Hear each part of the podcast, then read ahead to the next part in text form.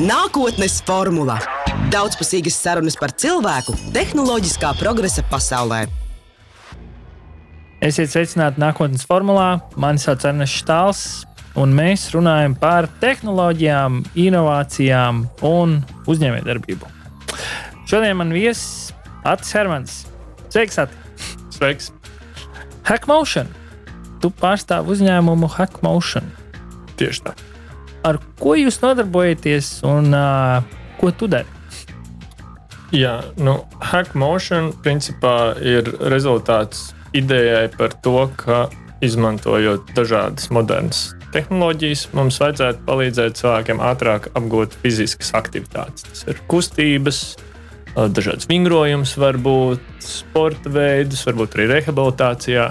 Tad tas ir tā idejas sakne. Un konkrētāk tieši šobrīd mēs izstrādājam, būvējam, ražojam un visā pasaulē pārdodam sensoru sistēmas, valkājamas, kuras savienojas ar mobilo telefonu un uh, sniedz kaut kādus padomus, kā ātrāk apgūt sporta veidus. Šobrīd pamatā mēs fokusējamies uz golfu.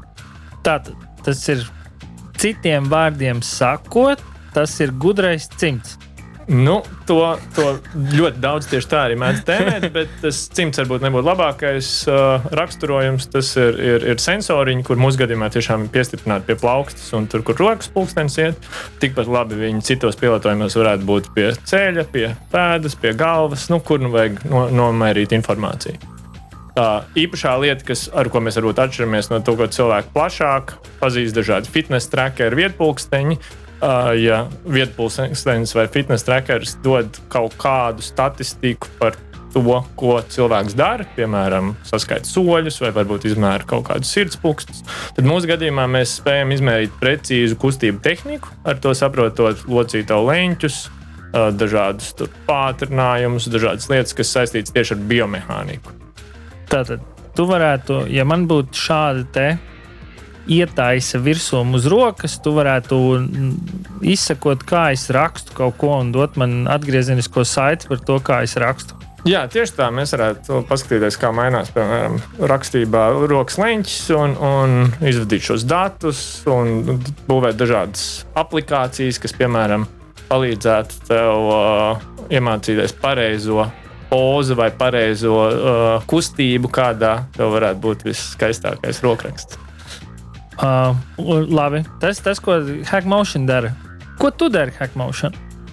Es šobrīd Hackmotion principā vadu visu uzņēmumu. Tas ir viss sākot ar, ar uh, komandas meklēšanu, biznesa stratēģijas attīstīšanu, partneru meklēšanu, uh, darbs pie produkta, principā viss iespējamais.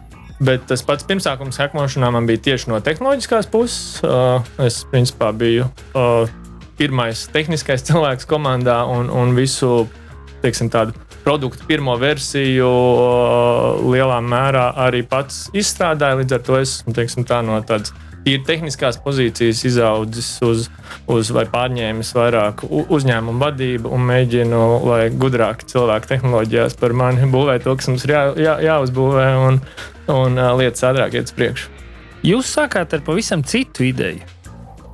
Jā, tā bija. Mēs sākām ar uh, ideju šo tehnoloģiju pielietot uh, īstenībā snowboardam. Un, uh, Tas būtu tā, ka būtu pilnīgi viss kostīms. Tāds, nu, tā kā tu varētu pateikt man par to, kā es vispār kustos. Ne tikai roka, bet viss kopā.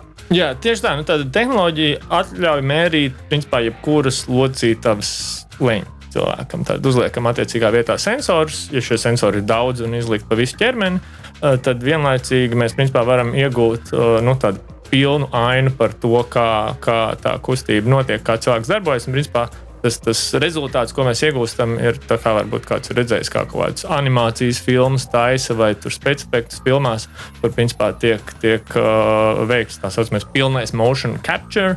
Lai būtībā mēs pilnībā digitalizējam to, kā cilvēks kustās, un tad tās kustības mēs varam uzlikt virsū. Tur Šrekam vai, jā, jā. vai, vai kādam uh, citam tēlam, un viņš dabiski smuki kustās. Tā kā ir kustējis kāds aktieris, no kuras tās uh, kustības ir ierakstītas, tad tas, tas industrijā tiek izmantots tur. Un tā mūsu ideja bija līdzīgus datus izmantot nevis tikai teiksim, animēšanai vai kam tādam, bet reāli analizēt šos datus un palīdzēt cilvēkiem apgūt uh, kustības un, un, un tādas lietas.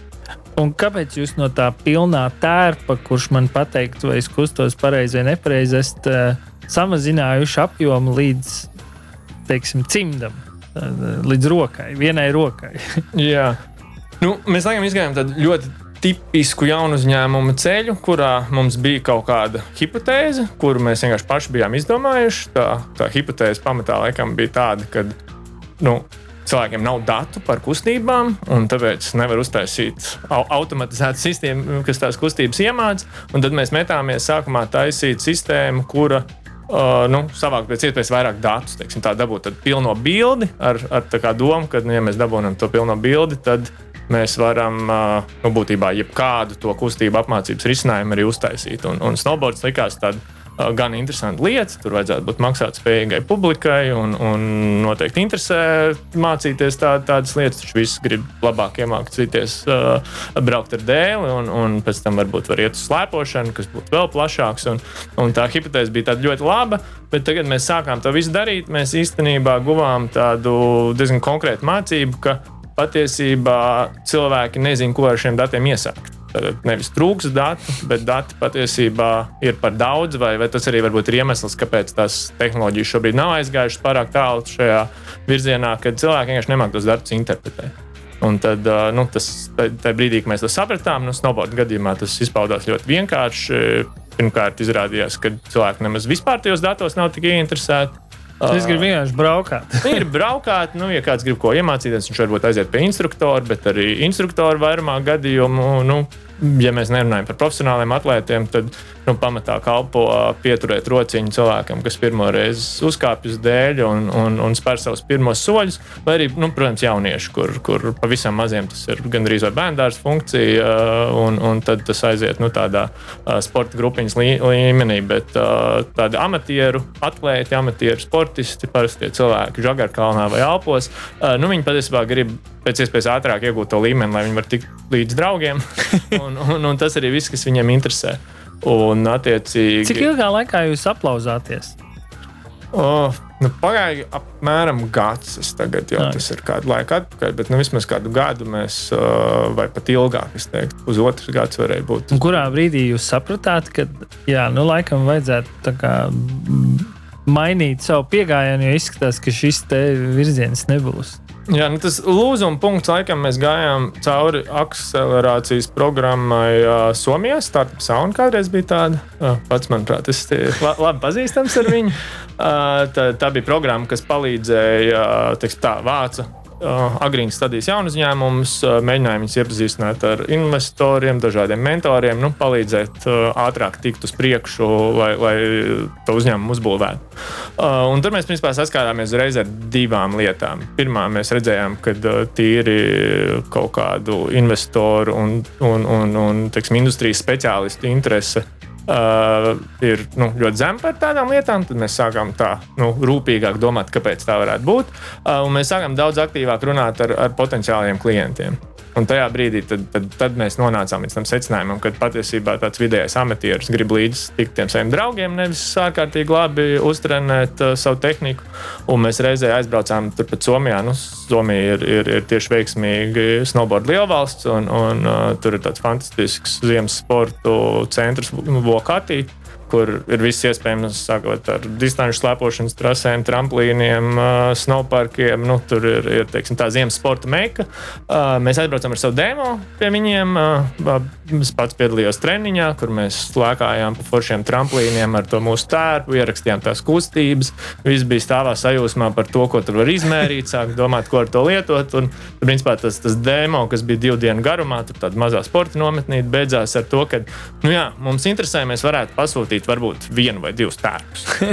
Un, un tajā brīdī mums bija skaidrs, ka, nu, ja pasaules lielākā vai viena no lielākajām tādām uh, snowboard skolām ir gatava pasūtīt vienu vai div, div, divus produktus, tad ir skaidrs, ka nu, vai nu tas būs kaut kāds ļoti nišīgs, ļoti, ļoti dārgs produkts, par ko nu, viņi arī nebūtu gatavi samaksāt. Tur, jebkurā gadījumā, tas bizness ļoti liels nevarētu izaugt. Uh, nu, vai arī mēs ejam kaut kādā ga, ga, galīgi nepareizā virzienā, nu, kur tā tirgus vienkārši nav. Labi. Un tagad, uh, kur jūs tagad esat? Tagad, teiksim, kas attiecās uz kaut kādiem, nu, varbūt neprecīzi kaut kādu apgrozījumu ciparu, bet, teiksim, kā jums iet finansiāli un kā jūs nokļuvāt pie šiem cimdiem? Jā, nu tā tad tas principā pēc tā snowboarda mums uh, pārliecība bija tāda, ka nu, cilvēkiem netrūks dati, viņi nemāķi viņus interpretēt, bet tā, tāpat laikā tā pamata pieeja to, ka šādi dati var palīdzēt tai kustību apmācībā, nu, tas mums tā kā nesalūz, mums tā pārliecība bija, ir un ar katru dienu, man liekas, paliek aizvien stiprāk. Kaut kas tur ir.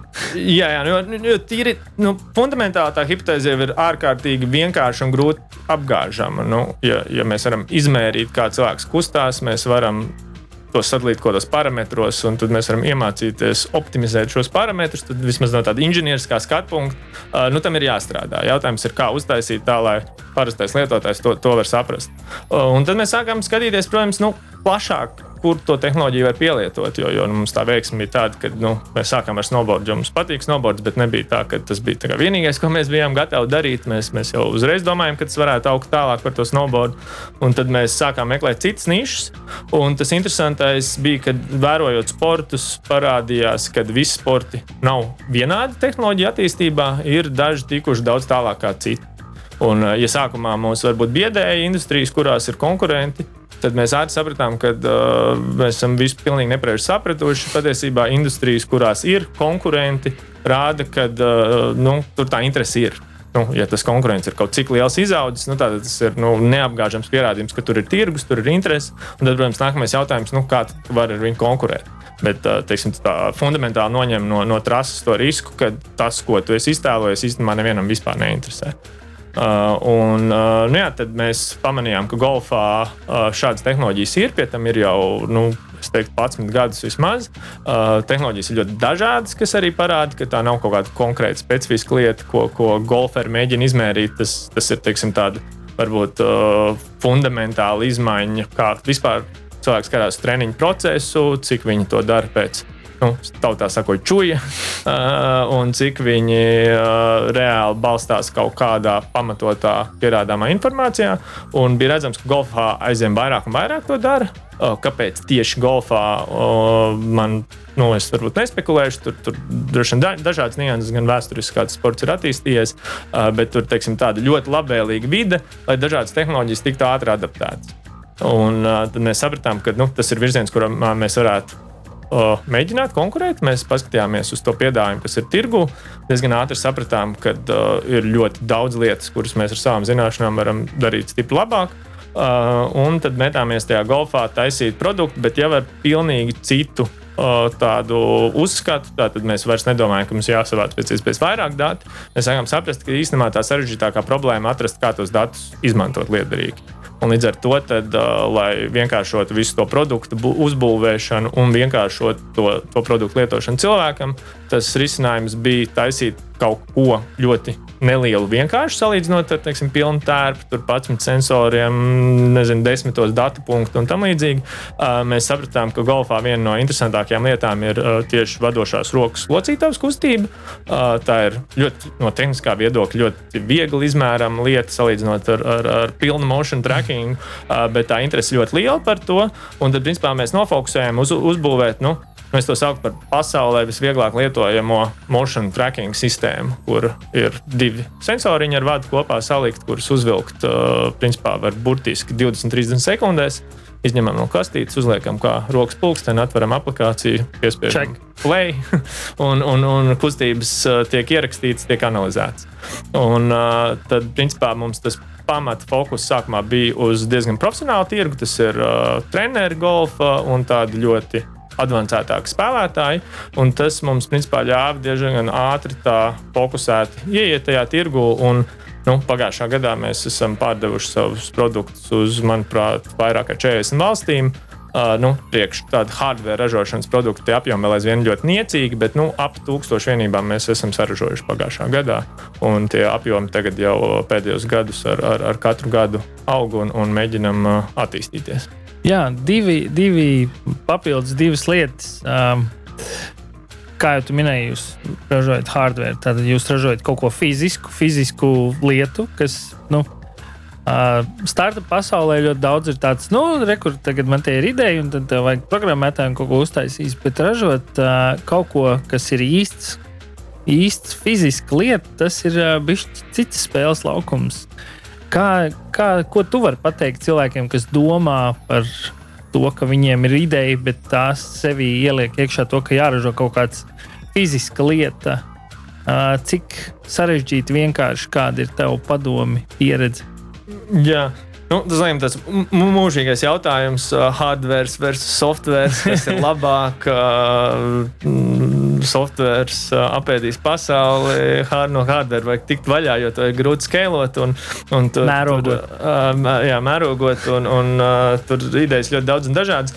Nu, Es teiktu, tas īstenībā nav tik atšķirīgi, kā daudziem varētu likties. Varbūt sākumā, protams, viss ir jautājums par to, kāda ir tā fiziskā ierīcība, kas tiek taisīta. Nu, ja tā ir automašīna, tad tur ir jākļūst par ekspertu tik daudzas industrijās, ka nu, tur, tur tas ir pilnīgi cita mm, mēroga teiksim, projekts, lai vispār par to iedomātos darīt. Nu, teiksim, tā jums jābūt Elonam Maskam. Jā, jā, ļoti labs piemērs. Un, ja tas atkal ir kaut kas stipri vienkāršāks, nu, un es teiktu, ka mūsu gadījumā tas ir ir, ir ļoti vienkāršs salīdzinot ar, ar teiksim, automašīnu, uh, tad tas nav tik sarežģīti, varbūt, kā varētu likties. Un tā, tā galvenā atšķirība, es teiktu, ir tāda, ka Uh, nu, es domāju, ka ir vajadzīgs diezgan lielāks priekšzināšanas par uh, nu, tieši tehnoloģiju jomā, uh, saistībā ar elektroniku. Nu, tur vienmēr nāk klāt, programmēšana klāt, ja tas ir, ir nu, tāds uh, viedais uh, produkts, teiksim, tā, kam ir kaut kāda savu skaitļošana iekšā. Kaut kādas smadzenes. Uh, kaut kādas smadzenes tieši tā.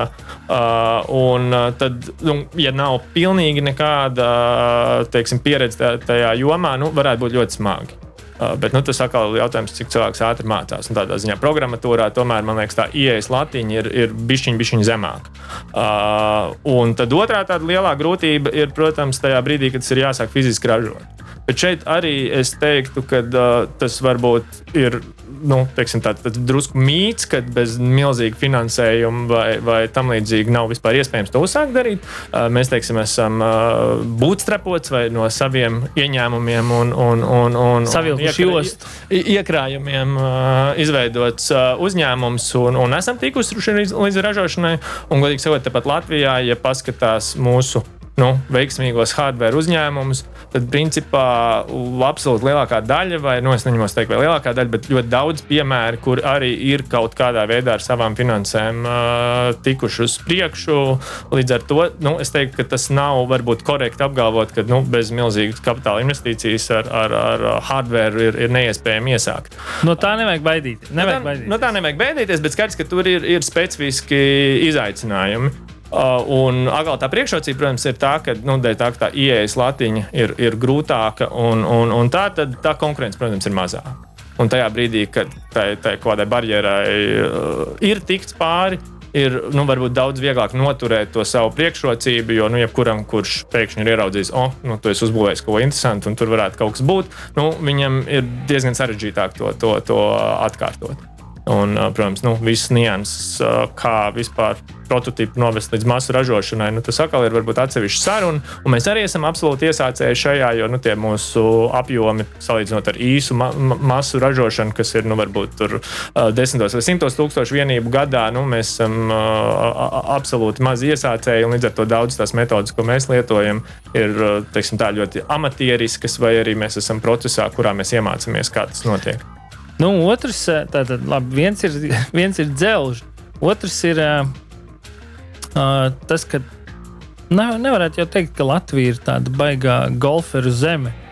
Kā jūs spējāt tikt uz tām 40 valstīm? Nu, teiksim, es, es tagad esmu uztaisījis to aproci, nu, ko tālāk. Nu, tagad man vajag tikt līdz tiem golferiem. Latvijā ir pišķi, tie golferi. Tur... Jā, nu, par laimi Latvijā tieši tik daudz, ka uh, mēs varējām saņemt kvalitatīvus teiksim, nu, padomus vai, vai viedokli par to, kas industrijā ir, ir uh, labi, kas nav labi. Tur uh, liels paldies uh, trenerim Dāvim Pukstam, kas bija viens no pirmajiem, kas uh, nu, tā nebaidījās, kad daži čaļi atnāk ar, ar traku ideju, un, un viņš ļoti labprāt iesaistījās un palīdzēja tīri konsultatīvi kaut ko patestēt, pastāstīt, kā citi produkti strādā, kāda viņiem ir vērtība. Nu, tas bija sākumā ļoti svarīgi. Bet, principā, nu, šeit ir droši vien tas 21. gadsimta fenomens, kad nu, tās robežas ir ļoti izplūdušas. Un, un tajā brīdī, kad uh, principā, tehniski ir iespējams aizsniegt cilvēkus ar, ar vienu telefonu vai video zvanu otrā pasaules malā. Tad, nu, mērķiecīgi darbojoties, diezgan ātri tos kontaktus var savākt. Mūsu gadījumā, protams, tas trumps bija tas, ka mēs varējām diezgan ātri parādīt kaut kādus demo prototipus, kas uh, interesēja cilvēkiem. Mēs nu, uzreiz izvēlējāmies uh, to pieeju, kurā mēs sākam ar tādiem īstiem industrijas profesionāļiem, kuriem to produktu ļoti vajag. Un līdz ar to mums bija daudz vieglāks ceļš pie viņiem, jo viņiem tas produkts nu, parāda ko demo, un, un, ja tu vispār tiec pie viņa uzmanības, viņam ir interesanti paskatīties tālāk. Viņiem, Līdz... nu, jūs risinājāt kaut kādu reālu sāpju viņiem. Tas nebija tāds, būtu forši tāds, bet tāda reāla sāpja viņiem. Nu, tā varētu teikt, tas varbūt vairāk teikt, mēs piegādājām viņiem informāciju, par kuru viņi bija uh, gadiem interesējušies, un tā īsti ērtā veidā nevarēja dabūt. Un, un, protams, tas arī visā pasaulē tas cilvēku skaits, kuri ļoti labi saprot, ko mēs darām un, un būtu jau varbūt desmit gadus atpakaļ to gribējuši, ir, ir ļoti neliels. Bet tas atkal nozīmē, ka viņus ir viegli atrast, jo viņi ir ļoti, ļoti specifiski. Nu, tie ir tādi vadošie treneri, kur ir kaut kāda vadoša akadēmija, vadītāji, kur piedalās visādās golfa tehnikas konferencēs. Nu, attiecīgi, tur ir diezgan viegli tādu šauru, nišīgu publiku, ir, ir tas, nu, tas trūkums, ka viņi ir nelieli, bet tas, tas uh, labums ir tas, ka viņus ir ļoti viegli teiksim, nomērķēt, uz viņiem atrast. Un, un otrs, tas, protams, labums, kas ir īpaši, es uzskatu, svarīgi tādam jaunu uzņēmumam, ka tā ir publika, kas ir gatava par to produktu arī maksāt. Un maksāt tā kā nu, nekā par, par kaut kādu tur, tur mazo gadgetu, kur tur, tur 50 vai 100 uh, naudiņas tagad, tāpēc, ka tas ir kaut kas drusku interesants. Nu, ja tas ir instruments, kuru izmanto nodarbībās, tad, tad uh, nu, ja tas būtībā kā biznesa sastāvdaļa vai kaut tā kā. Tā ir kā investīcija. Jā, tā ir, tā ir kā investīcija, un, un mēs ar, ar visu mūsu cenu mums šobrīd tā tad, uh, produkts ir, ir nu, tāda laba iPhone cenā. Es teiktu, maksā viens? Ap 1000 dolāriem mums ir vairākas uh, teiksim, tā, versijas bet, bet tā, tā galvenā un ko visvairāk arī pērk, uh, maksā ap 1000 dolāriem. Un, principā, tajā golfa uh, teiksim, tā, treneru vai golfa apmācību industrijā no tehnoloģijas, kas tiek uztvērta nopietni, mēs esam stipri lētajā galā. Uh, golfa treneris pērk arī ierīces, kas maksā 5000, 10, pat pārdesmit tūkstošus, visādi bumbu radari. Un, un arī Latvijā ir treneri, kas to pērk. Ir, ir var aizbraukt uz, uz, uz, uz Jūrmālas golfa klubu vai, vai uh, pie, pie uh, vairākiem treneriem. Viņiem tās tehnoloģijas ir, jo nu, tās ir teiksim, pierādītas lietas, kas tajos treniņos palīdz. Un, attiecīgi, ja tā ir daļa no, no biznesa, nu, tad tas tiek pirkts līdzīgi kā automašīna vai vēl kaut kas. Nu, to, to, to izdarīt var, ja tu redz tam jēgu. Es tagad iedomājos, tā ir tā aproce, sensori, kas man uz rokas ir. Nu, tad golfs, kāpēc ne tenis vai beisbols, kas ir tieši tas pats man rokā būtu, un es varētu kaut ko zvetēt. Jā, Nē, nu, šeit tas bija. Mēs atgriežamies tā, tā sarunas sākumā. Tātad fundamentāli nav nekāda iemesla, kāpēc to nevarētu darīt.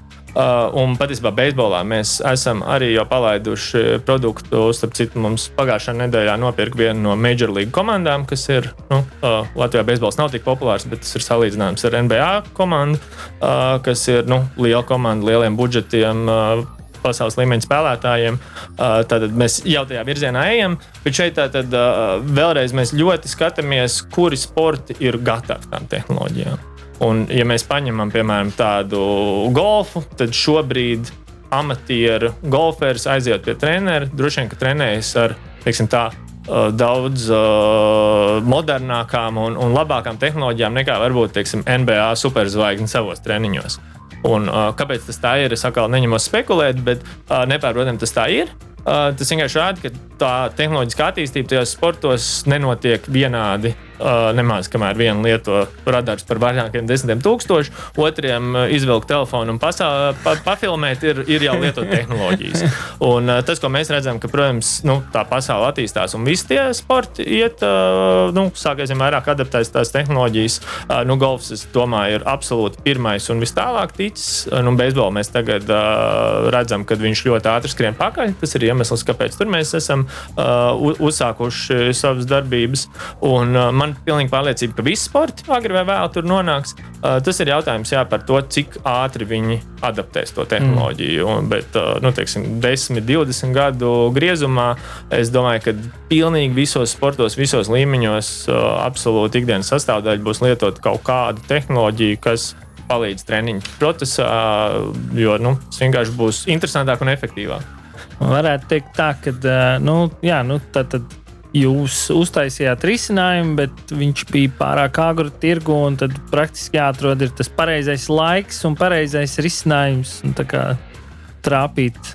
Pareiz. Jā, jā, jā es, es, es noteikti tam piekrītu, jo skaidrs, ka uh, nu, viens ir, ir tā funkcionalitāte, kur tu vari radīt, bet ja tā funkcionalitāte nekādā veidā neatbilst tam, ko sagaida treneri vai spēlētāji. Viņiem varbūt viss tas treniņu process ir iekārtots tā, ka uh, vienkārši tur nav vietas tai tehnoloģijai. Tad ir ārkārtīgi grūti. Nu, tā vērtība, kas ir jāatnes tajā treniņā, ir, nu, ir jābūt milzīgai. Jā, un, un ļoti iespējams, sākumā tas gan nav iespējams atnest tik lielu vērtību, lai cilvēks nomainītu to ieradumu, kā viņš līdz Jā. šim darbojās, uz, uz to jauno. Jā. Un, uh, tad, ja mēs paņemam tādu piemēru kā, kā golfa akāli, tad Nu, uh, arī tagad treniņi jau gadiem bieži notiek, piemēram, zālēs, konkrēti aprīkotās studijās. Tas ir pilnīgi normāli, ka trenerim blakus ir, ir dators vai, vai planšete. Līdz ar to teiksim, mēs ar savu produktu esam tāds kā neliels papildinājums kaut kam. Ja esošā ekosistēmā. Jā, jā, tieši tā. Okay. Kamēr ja mēs aizējām uz nezinu, vidusmēra basketbola treniņu, tad tas notiek sporta zālē pa vidu. Nu, neviens tur nekādus sensors vai dators nestiep jārā.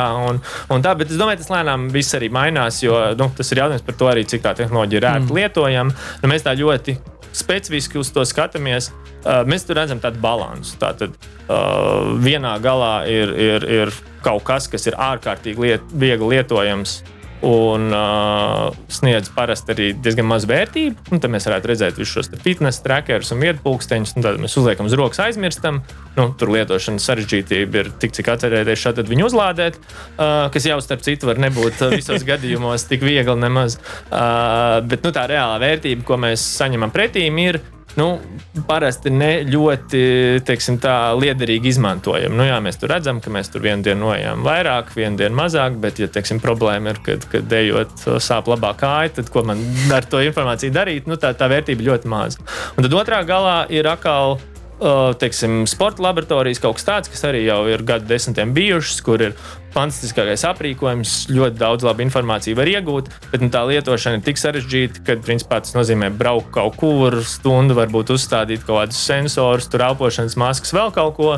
Un līdz ar to tā reālā, nu, neskatoties to, ka tā informācija ļoti vērtīga, tās lietošanas sarežģītība ir tik liela, ka arī tas interesē tikai mm. ļoti mazai daļai cilvēku. Tad jums jāatrod tas Jā, mēs redzam, ka viss tas spektrs pa vidu ir, ir, ir tukšs, vai tā, viņš lēnām sāk aizpildīties, un veiksmīga produkta tā, tā, nu, teiksim, recepte, mūsuprāt, ir būt pareizajā pusē no tās līnijas, ka tā, tam produktam nav obligāti būt, jābūt ļoti lielai tai vērtībai tajos treniņos, bet tad viņam jābūt o, viegli lietojamam. Un šeit varbūt uzsvērt, mēs mēdzam teikt, teiksim, tādas frikšanas lietot produktu vai bērze, kas parasti ietver gan cik tas produkts maksā, gan cik viegli viņu lietot. Mm. Tās ir tādas lietas, kas iet kopā. Nu, pat ja kaut kas būs super viegli lietojams, bet ārkārtīgi dārgs, nu, tāpat tā kopējā berze sāk lietot to produktu ir liela. Uh, un arī otrādi, ja produkts ir nu, praktiski pa brīvu, bet ir jāčakarējās, lai viņi tur ieslēgtu, tad tā berze tāpat paliek. Pat, pat tad līdz ar to tas tā. Nu, tas tāds līdzsvars starp bērzi un, un vērtību tam produktam. Cik liela jūs esat komanda? Komandā mēs šobrīd esam gandrīz desmit cilvēki. Esam deviņi un šobrīd aktīvi. Tāpat viss Latvijā. Jā, visi Latvijā. Un ko jūs tagad meklējat? Šobrīd mēs meklējam palīdzību mārketingā. Precīzāk, mums interesē satura izstrādātājs. Mēs tieši šī iemesla dēļ, ka daudzi tie, tie, tie sporta veidi, un arī golfs tā skaitā, viņš ir tehnoloģiski attīstīts, bet ne tik ļoti, kā mēs gribētu. Mēs dabūjām izglītot to tirgu. Mm. Un mums tā labā priekšrocība ir tā, ka mums starp lietotājiem ir tiešām pasaules vadošie treneri, vadošie spēlētāji un, un, un tam līdzīgi.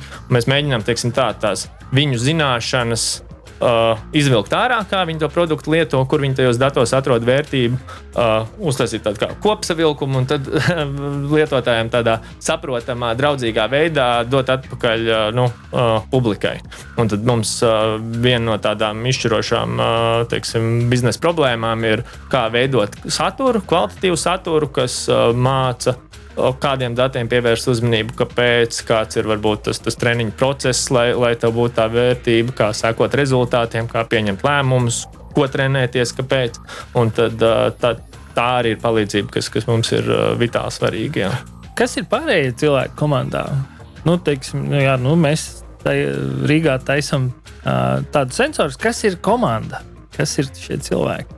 Jā, nu, patiesībā komandas sākotnēji, lai tiktu līdz produktam bija ārkārtīgi maz. Tie bija burtiski 3-4 mm, cilvēki, kas bija mēs arī dibinātāji no sākuma, un, un, un tad uh, kaut kāda pirmā palīdzība, kas, kas uh, mums, mums nāca klāt. Uh, bet, principā, nu, šobrīd, kad mēs jau tā, tā drusku jau nobriedušāk kļūstam, nu, vēl aizvien mēs jūtamies kā iesācēji, bet, bet uh, uh, kaut kāds progress mums ir. Principā tā komanda iedalās. Nu, nu, tādās divās lielās izplūdušās daļās. Nu, viena tāda darbojas ar produktu, tas ir tā kā, varbūt tā ļoti konkrētāk, vieglāk saprotams. Tad tie ir programmētāji, tie ir dizaineri. Uh, tā ir visa tā daļa, kas panāk, ka uh, nu, tā elektronika ir tāda, kāda viņi ir. Viņi ir iepakoti tādā plasmasā, kādā viņi ir. Viņi ir tādā, tā, tā, tādām siksniņām pievelkās klāt. Uh, uh, sūta tādus datus, kā vajag, un tad otrā pusē ir kaut kāda programmatūra, kas to māca saņemt, apstrādāt, parādīt lietotājiem. Tad tas ir tas viss, tas produkts, būtībā tas fiziskais.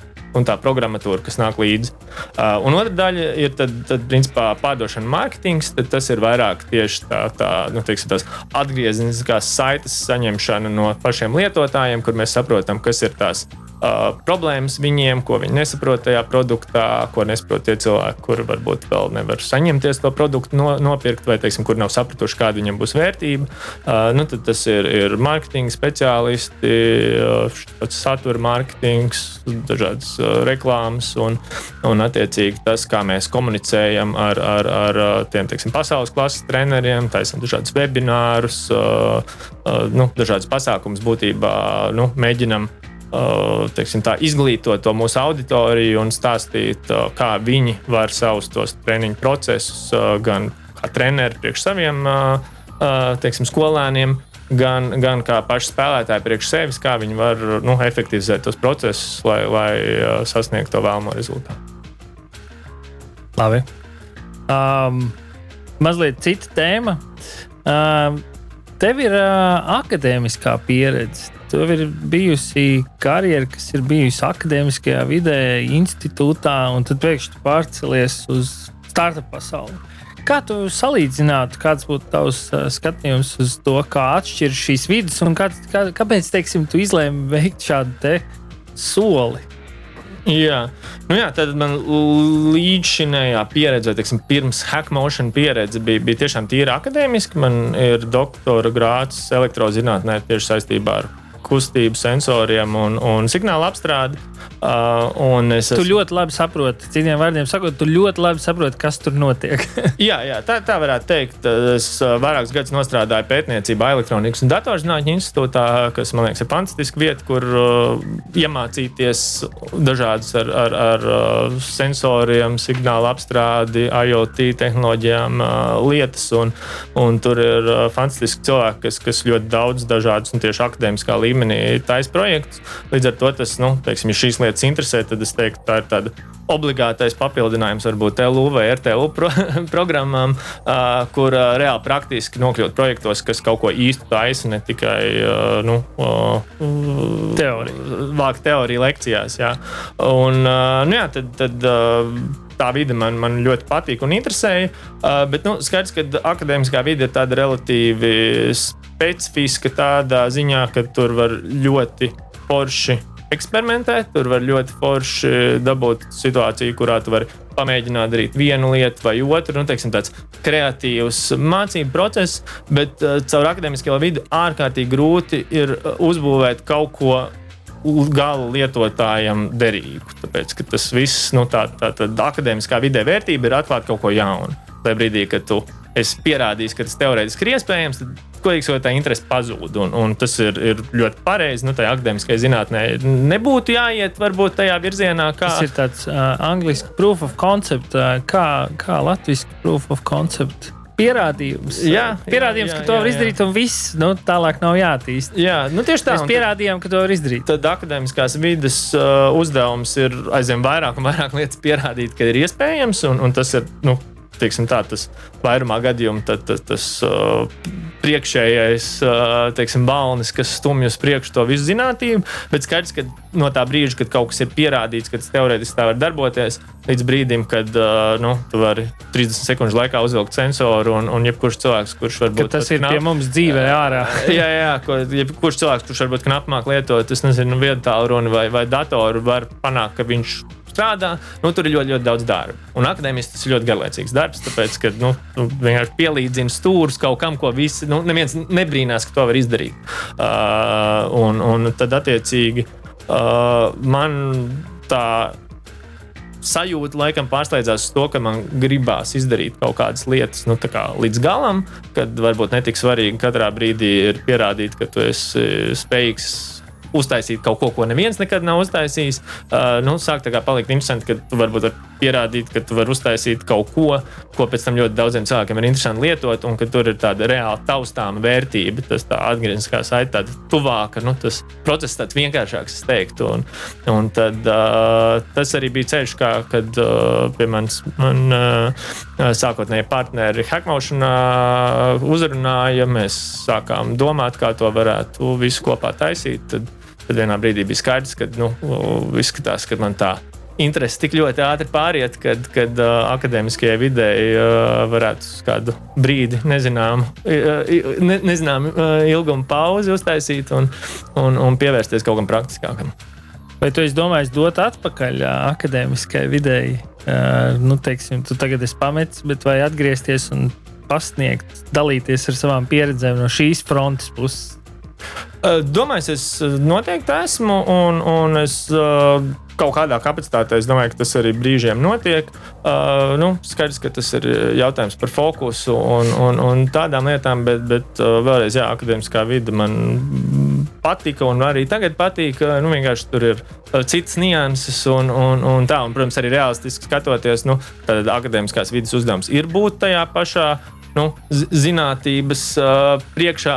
Līdz ar to nu, tā reāli nav jau daudz tās situācijas, kur cilvēki no industrijas tā ļoti daudz var uh, sa, savu zinātnību iedod. Parasti tas ir diezgan sautīgi. Mēs jums pateiksim, ko mēs gribam, lai priekš, priekš mums jūs uztaisiet. Uh, līdz ar to tur, tur uh, tās attiecības ir, ir jāstāsta, kurā brīdī tai akadēmijai ir, ir iegums. Bet nu, man pārliecība noteikti, ka akadēmijai būtu, it sevišķi tādā valstī kā Latvija, kas varbūt nav ar tik plašiem resursiem un, Un, nu, teiksim, tā, mēs nevaram atļauties tādas ļoti luksus preces, nu, tad arī redzot, cik lielu vērtību no tās nu, zināšanām var dabūt ārā tā sabiedrība, tad nu, būtu baigi vērtīgi, ka tādā Latvijā akadēmija ļoti fokusētos un neiet pārāk tālu no tā, kuru ko, ko, no tām tehnoloģijām, kuras kaut kādā pārzemā nākotnē var uh, komercializēt un uh, reāli lietot. Un, un, uh, jā, tas, es, es uzskatu, ka sevišķi tādā, tādā valstī kā mums mm. būtu ļoti svarīgi. Kas bija tas, vai, te, vai tev bija kāds pārsteigums vai lieta, ko tu nebija gaidījis, kad tu teiksi, nu, ok, mēs tagad taisīsim startup un pēkšņi bija tāds, wow, šito es negaidīju? Nu, lielākā, lielākā daļa lietu. Mēs uh, bieži smejamies, ka, nu, ja mēs būtu zinājuši, ko tas uh, par kaut kādiem atsevišķiem projektiem vai kādām lietām, nu, ja būtu zinājuši, ko, ko tas nozīmē to dabūt līdz galam, tad nekad nebūtu bijusi drosme sākt. Un, tad parasti secinājums, ka īstenībā tas ir ļoti labi, ka uh, sākumā nav uzreiz skaidrs, ko tas viss nozīmēs. Bet nu, jā, es domāju, ka lielākais pārsteigums man bija tiešām. Tā, teiksim, kad es sāku apzināties, ka daudzas ļoti racionāli izskaidrojams un, un nu, tādā normālā izpratnē labas idejas. Uh, bieži vien neizrādās nemaz tik labas. It sevišķi, ja, ja runa nevis par to, vai tas izklausās jēdzīgi, bet vai šobrīd pasaule ir tā iekārtota, ka cilvēki ir gatavi uh, to ideju izmantot un lietot, nu, kas jau ļoti praktiski aiziet uz to, to kādi produkti ir derīgi, kas viņus lietos un, un tam līdzīgi. Uh, jo man liekas, ļoti daudz, vismaz es noteikti dzīvoju ar, ar pārliecību, ka nu, kā, nu, ir, ir labas idejas un ir sliktas, un ja tu īsteno kādu labu ideju, tad, tad, tad, tad visiem viņi ir vajadzīgi. Bet praksē ir tā, ka nu, katrs tas, tas cilvēks vai tā industrija dzīvo ar kaut kādiem saviem ierobežojumiem, un ja tu tos ierobežojumus ļoti labi nepārzini, tad ir ļoti liela varbūtība, ka ideja, kur teorētiski ir laba, viņa nav laba no tās praktiskās puses, jo tajā industrijā vienkārši ir citas vajadzības, citas intereses. Un, un, un tas būtu droši vien tas, ko es arī citiem ieteiktu, tā ļoti rūpīgi padomāt, kas tad ir tie, tie indikatori, ka tā ideja ir laba. Un, un tas, ka viņi teorētiski ir labi, ka, kad ja, nu, ja šis strādātu tā un nestu tādu labumu, tad tur noteikti ir kaut kāda vērtība. Bet uh, tā, tas galvenais jautājums ir, vai tai industrijai, kam to ir paredzēts pārdot, un kas ir viņa lielākā problēma. Jo, ja man ir, teiksim, nu, varbūt tā trivializēšana, nezinu, tur aplūdes pagrabs un, un mājā jumts deg, un kāds atnāks man piedāvāt efektīvāku kondicionēšanas sistēmu, nu, tas nav slikta ideja. Efektīvā kondicionēšanas sistēma vienkārši šobrīd tas nav vispār kaut kas, par ko, ko es satraucos, un, un līdz ar to es ar lielāko prieku dabūtu, nezinu, savu pagrabu atkal, un kādu, kas nodzēš jumtu, par to es būtu gatavs maksāt, bet par kaut kādām ekstrām, kas nav man pamat problēma, uh, nu, tas ir daudz, daudz grūtāk. To, jā, to man, ir, piedāvāt. man ir bijis līdzīgi, un uh, es to esmu noformulējis, kad uh, dažreiz tu neuzbūvē. Tu neuzbūvē, nu, tas produkts, ko tu esi uzbūvējis, nav nepareizs.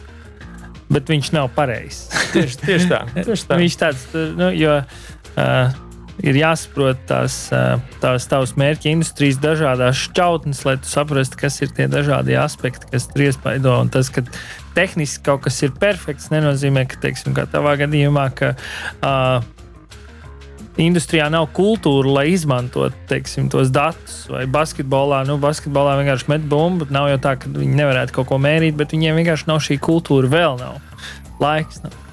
Uh, Kāda ir tavī, tavs ieteikums cilvēkiem, kuriem domāt un gribētu taisīt kaut kādus, nu, teiksim, piemēram, es vienmēr saku šajā raidījumā, kad kāds sēž tagad sastrēgumā un klausās šo raidījumu, kas būtu tā, un viņš domā, nu, jā, man arī ir viena tā ideja par to sensoriņu vai par kaut ko. Kas būtu tavs ieteikums šādiem cilvēkiem? Nu, pirmais droši vien ir nepār, ne, nedomāt pārāk daudz vai teiksim, nesarežģīt vienkāršas lietas. Nu, tā, tad, tad varbūt vēlreiz atgriežoties pie tā mana lielākā pārsteiguma, nu, tad numur viens noteikti būtu. Nu, ja tiešām ir, ir doma par idejas implementēšanu, kā par biznesu vai ko tādu, tad uh, padomāt, kā es varu pārliecināties, ka tā mana ideja arī citiem liekas laba un ka viņi ir gatavi par, par to maksāt.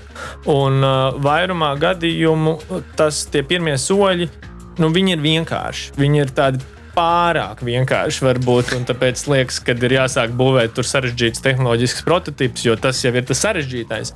Un, un praksē iespējams daudz prātīgāk varbūt ir izdomāt, nezinu, pirmos trīs cilvēkus, kam teorētiski šī ideja būtu pārdodama, atrast veidu, kā ar viņiem var sazvanīties, aiziet vakariņās vai vēl kaut kur un mēģināt pēc būtības aprunāties, kas tad ir tās industrijas lielākā problēma. Arī uh, Hackmotion gadījumā, kad uh, mēs izlēmām iet uz to golfa tirgu, uh, tad, nu, mēs jau tur, kā jau minēju, kaut gadu pusotru bijām darījuši kaut ko citu un, un jutāmies diezgan apdedzinājušies, uh, nu, tad mēs beidzot noticējām tam, tam gudrībām, ko tur visādos akceleratoros un tā stāstu. Mēs arī principā to produktu būvēšanu lielā mērā sākām ar iešanu pie potenciālajiem klientiem runāt.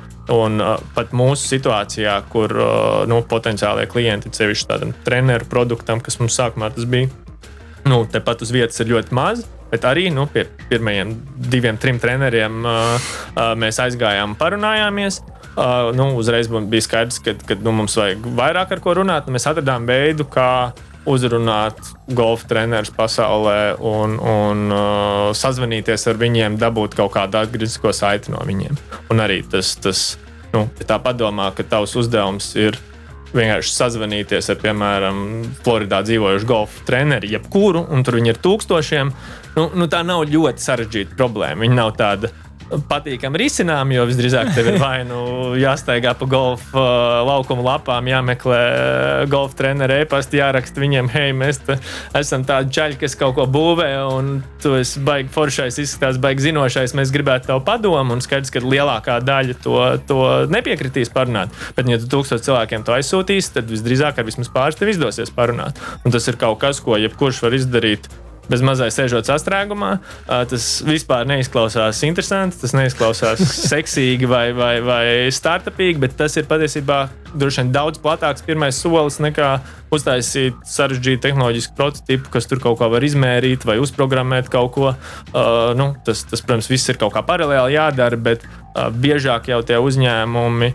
Uh, tā kā nu, neaiziet vai, vai, vai, vai neizdodas nevis tāpēc, ka Viņi neuztaisīja to, ko viņi zināja, ka ir jāuztais, bet tieši otrādi viņi mēģināja taisīt, un tas pirmais, ko viņi ir uztaisījuši, izrādās nevienam nav vajadzīgs. Uh, jo nu, tā, tā ir fundamentāli no tādas inženieriskās puses padomājot, nu, nu, ja ir zināms, ka šis ir vajadzīgs un viss ir tikai par to, vai mēs varam to uztaisīt. Nu, tas ir kaut kādā mērā laika un naudas jautājums. Nu, ja tie pierādījumi ir ārkārtīgi spēcīgi, ka tas būs vajadzīgs, nu, tad, tad uh, Tas droši vien būtu viens no pirmajiem cilvēkiem, pie kā iet, bet tad, principā, to, tos naudu un resursus var atrast. Jautājums ir par, par tiem pierādījumiem, jo arī, kad iet pēc kaut kādām investīcijām vai ko tādu, nu, ja mēs tā ļoti notrivializējamies no visiem buzzwordiem un vēl kaut ko, tad nu, es vismaz uzskatu, ka ir jāatnes pierādījumi par to, ko tad mēs par šo naudu uzbūvēsim un kas notiks tālāk. Un, ja tie pierādījumi ir ļoti, ļoti spēcīgi, tad arī tai nevajadzētu būt ļoti lielai problēmai. Skaidrs, tas nav tā tik vienkārši, bet, bet uh, es ieteiktu uz to skatīties apmēram tik vienkārši. Tad tavs ieteikums. Nevis izlaist to daļu, iet ar kādu runāt un ķerties pie būvēšanas, bet vispirms iet un runāt. Tieši tā. Tieši tā. Labi, paldies, Ati. Uh, prieks un uh, lai izdodas. Paldies, apsveicu Vincent. Paldies uh, klausītājiem! Un uz tikšanos nākošo reizi runāsim vēl par uh, tehnoloģijām, inovācijām no dažādiem aspektiem. Projektu finansē Nacionālo elektronisko plašsaziņas līdzekļu padome no sabiedriskā pasūtījuma līdzekļiem.